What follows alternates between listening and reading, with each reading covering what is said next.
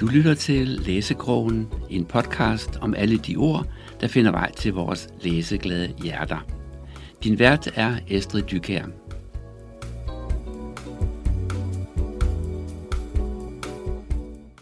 Velkommen til Læsekrogen, og velkommen til dig, Annette Wilhelm Jan, som har skrevet Ravneklør blandt andet. Øh, men Ravneklør, det er den, vi taler om i dag. Mange du, tak. Øh, ja, tak. Velkommen. Og du har øh, skrevet et par bøger, men den her, det er den mest øh, personlige beretning. Og det er, fordi den drager lidt på nogle øh, erfaringer fra dit eget liv. Og det gør den, fordi det her det er en vigtig historie for nutidens unge også. Mm-hmm. Prøv at fortælle, hvad det er, øh, der sker i Ravneklør. Jamen, i Ravneklør, det er, handler om Alba på 14 år, som bor i Vandløse mm-hmm. med sin mor og sin far. Hun er ene barn, hun har en hund, som hun er meget knyttet til. Øhm, og de er på tur, en øh, familietur til Italien. Mm-hmm.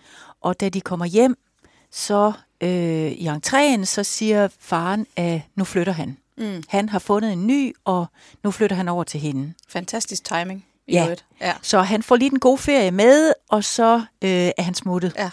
Så, og det kommer fuldstændig øh, både for moren og for Alba øh, helt uventet. Ja.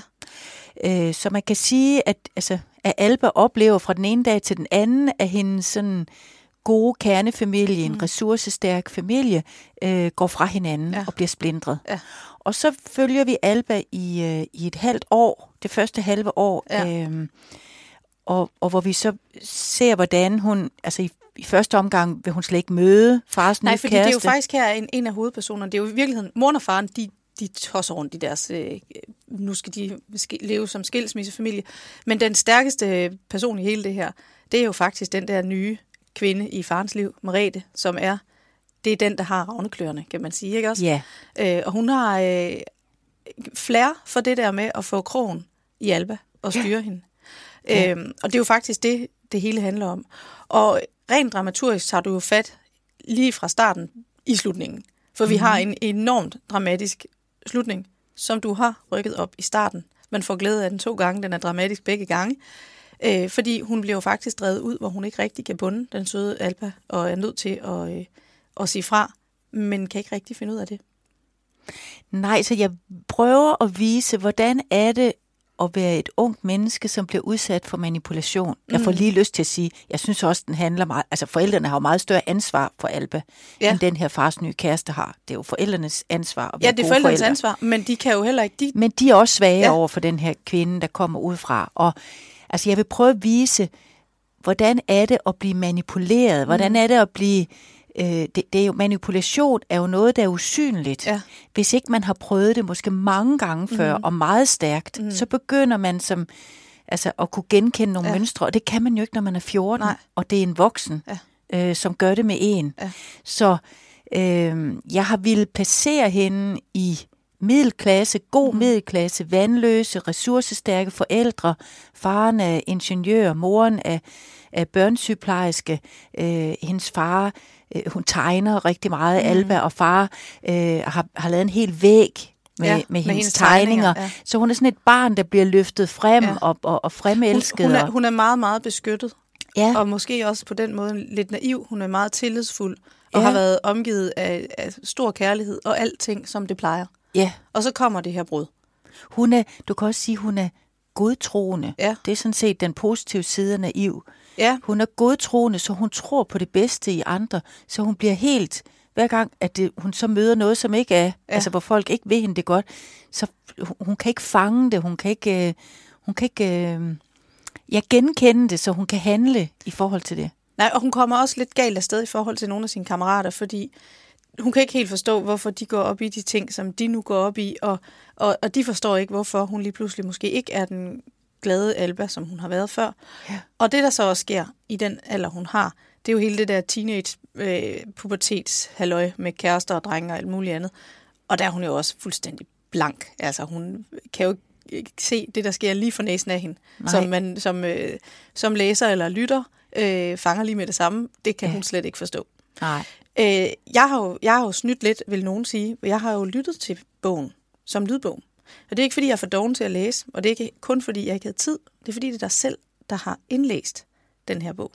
Og jeg ved, at det har været, øh, det her, hele projektet med Ravneklør har været øh, et stort og langvarigt projekt for dig, og det øh, udover, man kan sige, det drager på nogle personlige erfaringer, det behøver vi ikke gå ned i, men, men hvordan har det været hele processen med at skrive på noget, der er lidt anderledes end det, du har lavet før, og så føre det hele vejen hen, hvor du også selv skal fortolke det i, øh, i lydbogen? Jamen, altså, i virkeligheden var den jo ikke... Altså, da det kom til stykket, var den ikke svær at læse ind, for jeg har... Altså, nu er jeg jo øh, scenekunstner, så jeg er vant til, når jeg skriver, så sidder jeg og læser, læser, læser højt, så jeg mm. kan høre det og få den der ydre. Men jeg nåede bare, det skal man jo ikke gøre, jeg nåede bare at høre en masse om, øh, altså, det er jo et fag i sig selv at være ja. lydbogsindlæser. Ja. Og det er jo helt anderledes end at stå på en scene, hvor man har kroppen at fortælle mm. med, og rummet og sådan noget. Så Altså, så jeg kom bare til at læse så meget, at det måtte endelig ikke lyde som radioteater. Jeg fandt aldrig ud af rigtigt, hvad det var, hvis det var radioteater. Jeg forstod bare, det skulle det i hvert fald ikke være. Og sådan noget. Altså, jeg nåede at høre en hel masse ting, og, og så havde jeg jo ikke tænkt over, da jeg skrev den, der er jo en del sange i, ja. nogen der synger. Ja. Og det først da jeg også. kom til det første sted, hvor der var en, der sang, så slukkede jeg for den der indlæsning. Jeg tænkte, ja. shit, hvad gør jeg nu? Ja. Skal jeg synge? Og rent faktisk var jeg en, der ikke måtte synge med i skolen, så kunne de andre ikke lære melodien. så det der at synge højt, det var bare sådan... Men, og så gik jeg udenfor, og det her lydstudie, der var så en hel del andre sådan professionelle lydindlæsere, øh, der gik rundt og holdt pause, og jeg sagde, hvad gør? Og de kiggede på mig, men man, man synger ikke en lydbog. Og så måtte jeg gå ud og spise frokost og komme tilbage og tænke, hvis ikke jeg synger her, så er det simpelthen helt unaturligt i forhold til måden, jeg ellers har indtalt på. Så så er det helt forkert. Mm. Og det der, det var så en fredag eftermiddag. Det var tredje dag, jeg var der. Ja. Og jeg havde jo øh, fået at vide, at man kunne kun sidde der i, i tre, måske fire timer. Ja. Så jeg havde en hel masse dage øh, i kalenderen mm. øh, reserveret. Og så var det hedebølge, det var i august. Og folk gik hjem der fredag eftermiddag. Og så blev jeg der.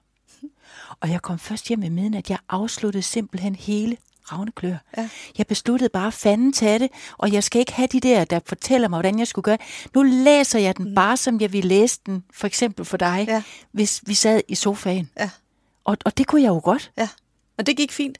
Jeg vil sige, at du har øh, nogle sange af Billie Eilish, som jeg ellers ikke rigtig kender. Det er ikke nogen nemme sange, du har valgt der. Ej, det er men, helt men, men du synger det meget godt, og det passer nemlig rigtig godt ind. Og det, det er sjovt, fordi når man Altså nu kan vi lige tale lidt om det her med lydbøger, fordi som du siger, det er jo en, det er jo en kunstart i sig selv. Og øh, jeg har også indlæst nogle lydbøger. Man har nogle, nogle tendenser. Man kan for eksempel sige ø, eller man kan måske have et eller andet klik på stemmen, ja. og det må der bare ikke være. Og det ja. værste ved lydbøgerne er, at alt bliver registreret. Ja. En pause, der er for lang, et tryk, der er lagt forkert, et lille klik, og det er helt sikkert, der vil være nogen, der synes, det er irriterende at høre på. Ja. Så jeg kan godt forstå, hvorfor det er svært, og man er utroligt alene inde i det der studie, og må tage nogle beslutninger selv, og mangler nogen at spare med. Og ja. hvis du går ud og spørger, hvad synes du, så vil de fleste sige, ja, hvad synes du selv? Ja. Fordi men, men det synes sådan nogle professionelle lydbogsindtaler ikke. De har en hel masse meninger, kan jeg love dig. Jamen, det er også og det er også godt, fordi man spørger dem, og det er ja. deres fag. Mm-hmm. Så det er der jo simpelthen ikke noget at sige til. Men jeg var bare nødt til at sige, nu er jeg bare forfatteren, og det er min egen bog. Ja. Jeg var også i tvivl.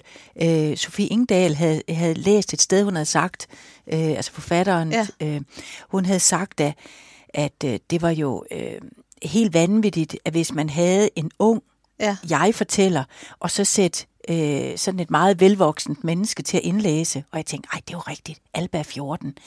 Øh, jeg burde slet ikke, jeg er 56. Jamen, det kan men, man ikke jeg... se. Du er ligner en på 40. Så. Ah, men du er sød. Ja. Men, men så kunne jeg mærke, jamen det kunne jeg bare ikke, fordi det var jo ja, min historie. Altså Alba er jo også delvis ja. mig selv. Så, så øh, jeg kunne bare ikke lade, jeg kunne ikke give det fra mig Nej. og lade en anden gøre det. Og derfor så tænker jeg bare, nu bliver jeg bare ved. Ja. Så får de den. Og, og øh, Ja. Jeg vil sige, at resultatet, det synes jeg, at vores lyttere skal gå ind øh, og lytte til. Selvom bogen ligger her foran mig, og den er, den er meget, meget flot. Det er sådan øh, sart lyseblå og med, med nogle øh, sko på forsiden, som, øh, som også har en del af handlingen. Og, den er, og den, som hænger i ravne kløerne. Som, ja, som hænger i det der er i slutningen af ordet, der er tydeligt er en ravneklo. Så en meget smuk forside og en fin bog og alt muligt andet. Men lydbogen, den kan noget særligt i det her tilfælde. Netop fordi det er dig, der læser den, og du fortolker den så godt. Og det er jo det, man kan gøre, når man er forfatteren. Så kan du jo sige, det kan godt være, at der er nogen, der mener noget andet. Men nu er det mig, der har skrevet, det er mig, der bestemmer, og jeg er den eneste, der har facitlisten.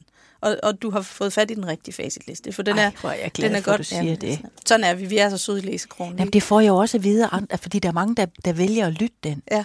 Øh, og så, når jeg tænker på, at jeg var så nervøs for at gøre det, så er det bare endnu skønnere at få Ja. det som respons, at Ja. den faktisk løfter. Ja. Ja. Og der kan man sige, det er jo, øh, altså, det er jo en øh, børne- eller en, en ungdomsroman. Øhm, men, men det er jo ikke kun unge mennesker, der får noget ud af at lytte eller læse den her bog. Tænker du ikke, at den burde egentlig læses? Sådan har jeg i hvert fald tænkt, da jeg læste. Alle skilsmisseforældre, og især bonus- og papmøder, de burde tvangsindlægges. Det burde, når du kommer ind og skal øh, ansøge om skilsmisse, så får du lige, og du har delbørn.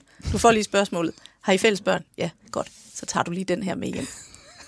Kom tilbage, når du har læst Det den. er der så mange. Altså, den har jo kun været ude i tre uger, men, mm. men øh, for det første er den jo blevet anmeldt rigtig meget på Instagram, og for den anden, jeg, jeg får alle mulige mails fra folk. Det Ja. har jeg aldrig prøvet før. Nej, øh, og mennesker, jeg ikke kender. Ja. Øh, og, og der er jo så mange øh, voksne, som skriver til mig, at det her det er lige så meget en voksenbog, Ja. fordi den handler om de voksnes liv Ja. også.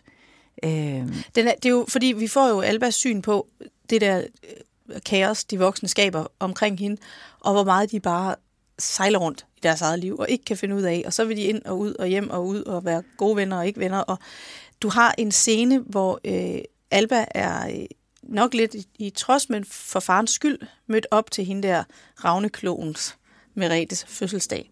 ja. Og så opfører de voksne sig, som voksne nu gør, og de er i og så sjov, og de har helt glemt, hun er der. Og, øhm, og det der stærke øh, billede af, at hun sidder bare der, og får så udrullet hele historien om, hvordan faren mødte Marete. Og, øh, Da han stadigvæk var gift da med han mor, stadig var ikke? gift med moren. Og farens bedste ven, som er Albas gudfar, var med ved det møde, og har vidst noget hele tiden.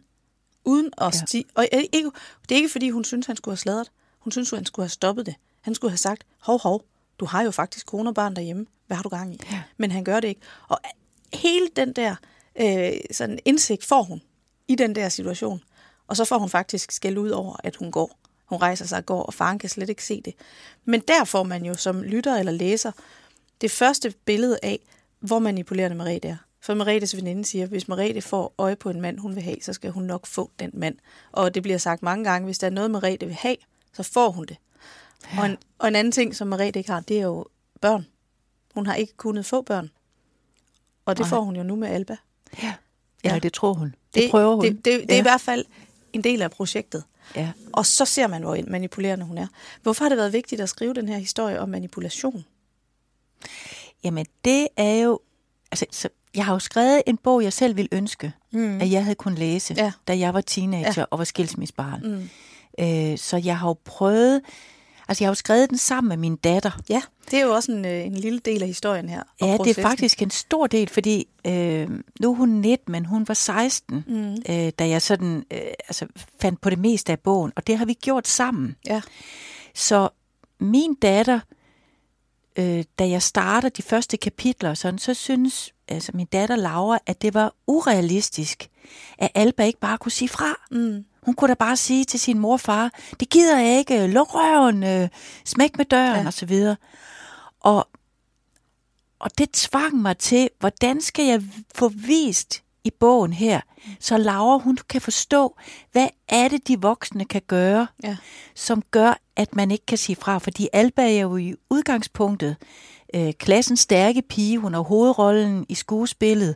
Øh, de spiller, hun kan, hendes stemme kan høres ned på bagerste række. Læreren fremhæver hende. Hun er lidt en 12-talspige, ikke? Og den Jo. der populær, med, med, der har veninder, og de, Ja. hun følger også lidt med i alle de intriger, der er imellem veninderne. Hun går ikke rigtig selv ind i det. Hun har ikke Nej. rigtig behov for at hævde sig ved at, at, at hakke på de andre, og hun er meget tilgivende. Når der er nogen, der opfører sig dumt, så er det nok også, fordi de har det lidt svært. Altså, hun er ikke... øh, Altså, Ja. hun, hun er beskyttet på den måde. Ja. Så, så, øh, ja, så jeg har, har ville vise, hvordan, altså når jeg skulle, jeg skulle have Laura overbevist, min datter overbevist mm. om det. Øh, og det er jo ikke, hvis det nu kun havde været, at farens kæreste kommer ind, Marete kommer ind og er manipulerende, det havde jo ikke kun manipulere alene mm. med Alba. Det er jo fordi, at hun mister fars kærlighed, Ja. hvis ikke hun finder sig ja. i en hel masse ting. Ja. Det er jo fordi, hun hele tiden er bange for at miste fars kærlighed, Ja. og det var derfor, jeg sagde først, øh, jeg opponerede, at jeg sagde, at det, de mest ansvarlige voksne Ja. i Albas liv, det er jo mor og far. Det Ja, er det jo burde dem, de være. Det er jo dem, som, bu- ja, som, som burde være ja. det. det. Det er jo dem, som skulle have passet ja. på hende. Ja. Så det er jo, fordi hun er så knyttet til far, og det er man jo, når man mm. er, er 14. Så, øh, altså, for eksempel er der en scene, hvor, hvor fars kæreste gerne, altså Marete gerne vil have, at hun skal kalde, at Alba skal kalde hende for mor. Ja. Og hun kan, ikke, hun kan ikke sige, hun ikke vil. Hun kan ikke sige, fordi far sidder og holder Marete som sådan en støttepædagog, Ja. der holder på Maretes hånd og giver hende, når, når Marete bliver rørt, og vil, så giver hun, han hende Ja, ja, ja. det køkkenrulle og tørse. Altså hele fars fokus er jo over Men- mod Marete, i stedet for at kigge på sin datter og sige, du bliver spurgt om noget, kan jeg hjælpe dig til nu? Ja. Er det noget, du vil sige ja eller nej til? Hvordan har du det med Ja, det her? eller, eller måske være så meget i kontakt med sig selv og kende sin datter godt nok til at vide, at det her det er nok over hendes grænse. Men det er ja. Jo der, hvor man som den voksne læser kan se, faren er jo også offer for Maretes manipulation. Og øh, når man når frem til slutningen, den anden gang, og så helt til slutningen, ja. Derfor der kommer lidt lige en krølle på efter en lille ravneklo efter den der scene, der gentager sig, så har man faktisk rigtig ondt af faren. Har du det? Ja, jeg synes simpelthen, det er så synd for ham. Hvor er han da bare en ynkelig lille mandsling? Nej, hvor er det synd for ham. Fordi han er jo gået ind på en eller anden restaurant og er faldet for hende der Maretes charme. Og Marete har udset sig ham som offer, og hun vil have ham. Så ein Ding ich auch haben. Og så er, han, så er han bare blevet taget og plukket. Og så fornemmer man, at hun skaber sig åndssvagt og barnligt og hysterisk, når hun ikke får sin vilje. Hun klæder ham ud i fjollet tøj, og hun øh, tager ham med til fjollede ting, og han skal have hendes venner. Og hvis, hun vil jo heller ikke rigtig have Alba er der til at starte med. Indtil hun ser potentialet i, hun kan jo have hende som en lille legedukke. Hun kan få tvinge til at kalde sig mor. Og han, han er, ender jo i en, altså nu ikke fordi, men jeg sige, moren får jo en, et wake-up call omkring sit parforhold. Der bliver også, øh, der falder en enkelt bemærkning i en enkelt scene om, Merete var måske ikke den første, som faren har rendt efter i alle år. Ja. Og det gør jo, at moren, hun, liv, moren er jo i en dyb, dyb krise undervejs, og kan jo næsten ikke trække vejret. Hun kan passe sit arbejde, og hun kan godt bestille en købepizza, men derudover er hun fladmast. Ja. Og det bliver jo morens genoprejsning, og moren, tror jeg, får et nyt og sprudlende liv, og faren, han sidder i en etværelseslejlighed et eller andet sted, og kan tænke på, hvordan han lod den kælling med ravneklør ødelægge sit liv, som det var. Hvor er det? Altså, det er jo, bogen er jo, de- den er jo din nu til at læse, og læsernes til at læse, men Ja. jeg, ser jo, jeg ser jo ikke faren som et stakkels offer. Altså, men han er jo dum og naiv og ondskabsfuld og egoistisk, men han bliver manipuleret fra første til sidste side. jeg ser selv faren som en stor øh, narcissist. For Ja. jeg mener, han har masser af chancer for at stå op for sin datter og passe Ja, på sin datter. vejen. Og han ser hende ikke, så han vælger ikke, det er ikke fordi, han vælger Marete, han vælger sig selv. Jamen, han vælger det for husfredens skyld. Fordi hvis han ikke gør det, Merete vil, så skal han hjem og være sammen med hende i to uger, indtil han skal se Alba igen. Det, der er ingen sex. Hun vil være sur. Hun vil komme med dumme kommentarer hele tiden. Og, og, og der vil være lukket for andre ting. Så han vil gerne have Alba med. Men, men når det så er, at det lige bliver noget, som Merete ikke bryder sig om, så ved han godt, så bliver der lukket for alle de andre gode ting. Og så, så, er det- så er det hende, der ryger fra. Så han gør det for sin egen skyld, men han, gør, han er skide bange for hende. Han er angst for Merete. Jamen, har du så glemt, at nu, altså vi må jo ikke spoile, men han flytter jo frem og tilbage. Ja, ja. Ikke også? Jo. Det gør han jo ikke for Maretes skyld, det gør han udelukkende for sin egen. Men altså, Men det er jo Meretes skyld, han ikke tør føre det igennem. Han, han, han er jo også blevet bedt om det der efter den der ferie. Hun har sendt sms'er til mig. Jeg tror, du lige skal hjem og lytte til den bog en gang mere, Annette, fordi så vil du... Nej, det er bare, at vi ser det forskelligt, og det ja. er jo det, der er spændende. Ja. Det er jo, altså, øhm, jeg, jeg tænker også, nogle af de, fordi jeg har fået alle de her mails øh, og, og, øh, og rigtig mange sådan, øh, beskeder på Instagram, og jeg tænker, de unge, der er jo for eksempel to unge piger, to bloggere, øh, som skriver, at øh, de er meget forarvet over farens bedste ven, nu nævnte det der, at Ja. farens bedste ven havde vidst, Ja. at faren var utro, Ja. øh, og ikke havde sagt noget til moren. Men hvem skal du være lojal overfor? Ja, jamen, jamen det sjove er, altså de bliver virkelig sådan moralsk forarvet, ja. og synes, han er en virkelig dårlig ven Ja. øh, af huset, ikke? Øh, og, og det er jo fedt, fordi jeg ønsker jo, at de unge skal blive, altså de, Mhm. de, de, bliver, de ser jo de voksnes liv og bliver forarvet. Hvor de voksne, mere voksne læsere, jeg, jeg, der skriver til mig, jamen de genkender jo bare voksenlivet. Mhm. De ved, at jamen, det der, det er der bare masser af. Det er i den lejlighed, og i det hus, Ja, og ja, i det ja, hus, at der er nogen, som ved en hel masse, som de ikke fortæller Ja. videre, selvom de er bedste venner og sådan Ja. noget. Så det er nogle meget forskellige reaktioner, Ja. øh, jeg får i forhold til... Men det vil du jo også opleve. Ja. Ja. Altså, jeg, kan, jeg, jeg kan da huske, da jeg var sådan de der 14-15 år, og i første G, så var der nogen, der var kærester med nogen, og så var han utro, og så var han bare, du ved, resten af gymnasietiden, en gang utro, altid utro. Ham skulle man aldrig røre ved igen. Men den opfattelse har man jo som barn, at så er man stemplet som et dårligt menneske, og du kan aldrig nogensinde, og, det, og, og selvfølgelig skal man ikke gå rundt og være hinanden utro, men når man så kommer op i, nu siger jeg vores alder, jeg ved godt, Ja. ja. du er en lille my ældre end jeg er, Ja, men er når man kommer op i voksenlivet, så, så oplever man også, at der, der findes dilemmaer, og måske er man ikke et dårligt menneske, fordi man er utro. Måske var man faktisk bare sammen med den forkerte, sådan virkelig forkerte, og var, øh, eller man var presset, eller alt muligt andet. Så jeg, jeg, jeg får mere ondt af folk, og jeg har også ondt af, hvad han hedder, Philip, ham her, gudfaren. Jeg synes simpelthen, det er så frygtelig synd for ham, for han er jo i et dilemma. Hvad pokker skal manden stille op? Han holder jo af dem alle sammen. Ja. Og de sejler rundt. Og hvorfor har han i alle de år vidst det der med utroskaben?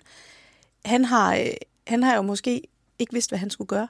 Men der, hvor han, hans brøde, den består jo i, at han ikke stopper forholdet. At han ikke siger, nu skal du stoppe. Du Ja, skal ja ikke i til øjne. Ja. I Albas øjne, ja. ja. Men han Men er jo han fars bedste sig? ven. Han Ja. er jo fars bedste ven. Ja. Men han er også hendes gudfar. Det er et ekstra ansvar. Og hvor er det skønt, du er blevet farvet. Jeg elsker det. Ja. Men altså, du virkelig er blevet gal på hende, øh, Merete, Ja, ikke? Merete, hun er, men, men hun er også en stakkel. Men de jo. yngre læsere, Ja, de er meget, meget vrede på forældrene, ja. kan jeg bare sige. Og, og altså, jeg har jo en del voksne læsere, de, de har en helt anden sådan... Forst- altså, hvis man også selv er blevet skilt og har skilsmissebørn, ja. øh, så kigger de jo meget... Altså, der er jo nogen, de har også ondt af Merete, der skriver i, men altså, fars kæreste ønsker jo også bare at blive elsket.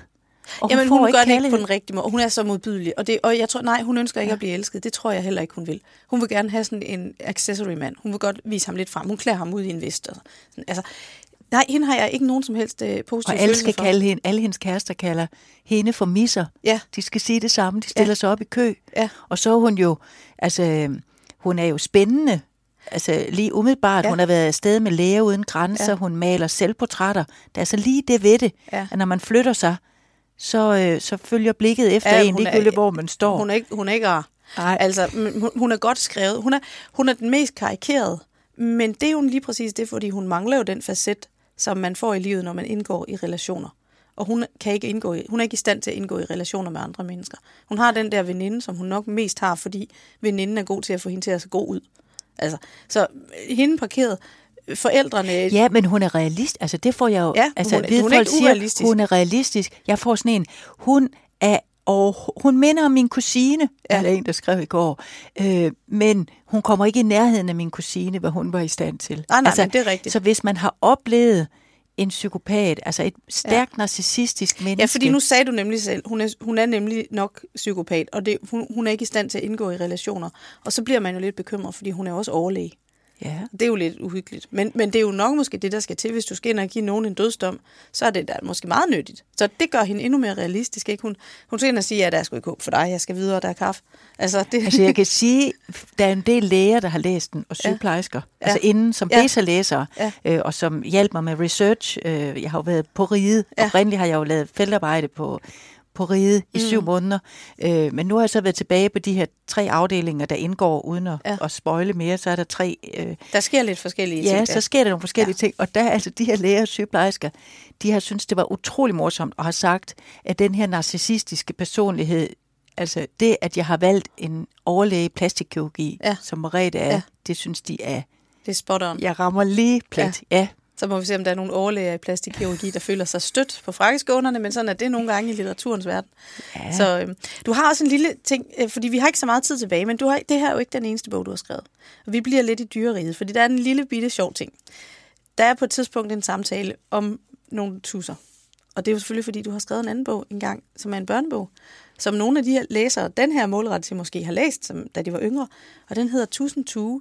Hvad er, hvad er det nu for noget? Hvordan kan en lille det, det, det, er smart og, og øh, et lille trick, du laver. Fordi han fortæller nemlig, at han har læst en bog engang, der hedder Tusind Tue. Det står ja, i det, det er jo, de, de sidder ved et bål, og Alba, hun er så sammen med hendes bedste ven Tobias, og øh, nu skal vi jo ikke spoile mm-hmm. noget om det, men der kommer hun til at falde ned på sin hånd og rammer en tusse, ja. og hun skriger, ja. og hun synes simpelthen, at tusser er det ulækreste, der findes ja. i hele verden. Og så griner Tobias og siger, at han er ved at læse en, øh, en øh, bog højt for sin lille nevø, og ja. den hedder Tusind Tue, og ja. den handler om en tue, der kan snakke, og når man først har læst den, så kan man ikke andet end elske skrubtusser. Mm. Og det er jo den, jeg sidder med her. Ja. Tusind Tue. Tusind Tue. En rigtig eventyrligt udseende bog. Men altså... Ja, men den er jo også socialrealistisk, og så med eventyr ja, indeni, ja. ikke? Så den, og den er, ah, den er mag, det er sådan magisk realisme, ja. det vil jeg sige. Det Ravne Klør jo ikke. Nej. Fordi du sagde også før, at du er scenekunstner. Og du har meget sådan noget øh, altså med børn og underholdning. Hvad er det, du laver, når du ikke øh, sidder og skriver fremragende bøger? Jamen, jeg lever jo af at turnere rundt. Jeg har jo et lille teater, der hedder Måle Fortælleteater, mm-hmm. og jeg lever af at turnere rundt. Øh, jeg fortæller jo lige så meget for voksne, unge, ja. øh, som jeg gør for børn. Mm-hmm. Så, så, øh, så der kan man sige, at min Tusind Tue, den har jeg også spillet som børneteaterforestilling. Ja. Så har den hængt sammen på den måde, og min julebog, der kom sidste år med Saras første juleaften fra Bibelselskabet om juleevangeliet, den spiller jeg jo i øjeblikket nu mm. som forestilling, og så får børnene øh, bogen med hjem. Ja.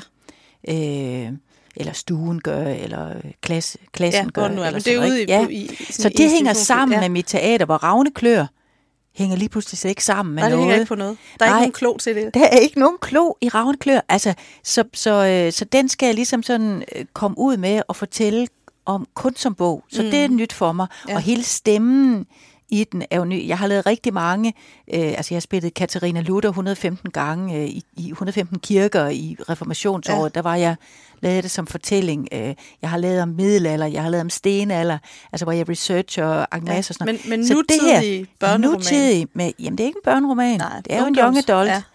Ja. Øh, så, så jeg mener, den er for alvorlig til at, at blive kaldt det. Altså, ja. den er, jeg synes, den er, den, er, den er ret alvorlig.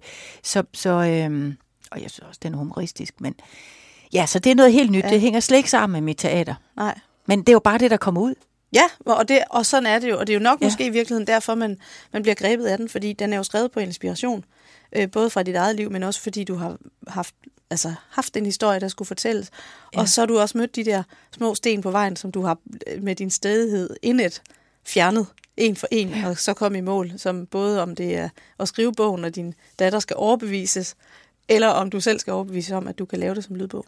Ja. Så nu øh, er vi ved at være nået til vejs ende. Det var men, smukt øh, sagt, det, ja. det var meget smukt sagt. Tak. Men, tusind tak, fordi du øh, kom og fortalte om øh, Ravneklør.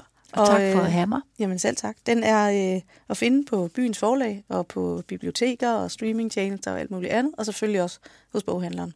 Så, og så kan man høre den som lydbog. Ja, det kan siger. man nemlig. Og, ja. den, og det gør den rigtig godt. Tak for det. Mange tak for at have mig.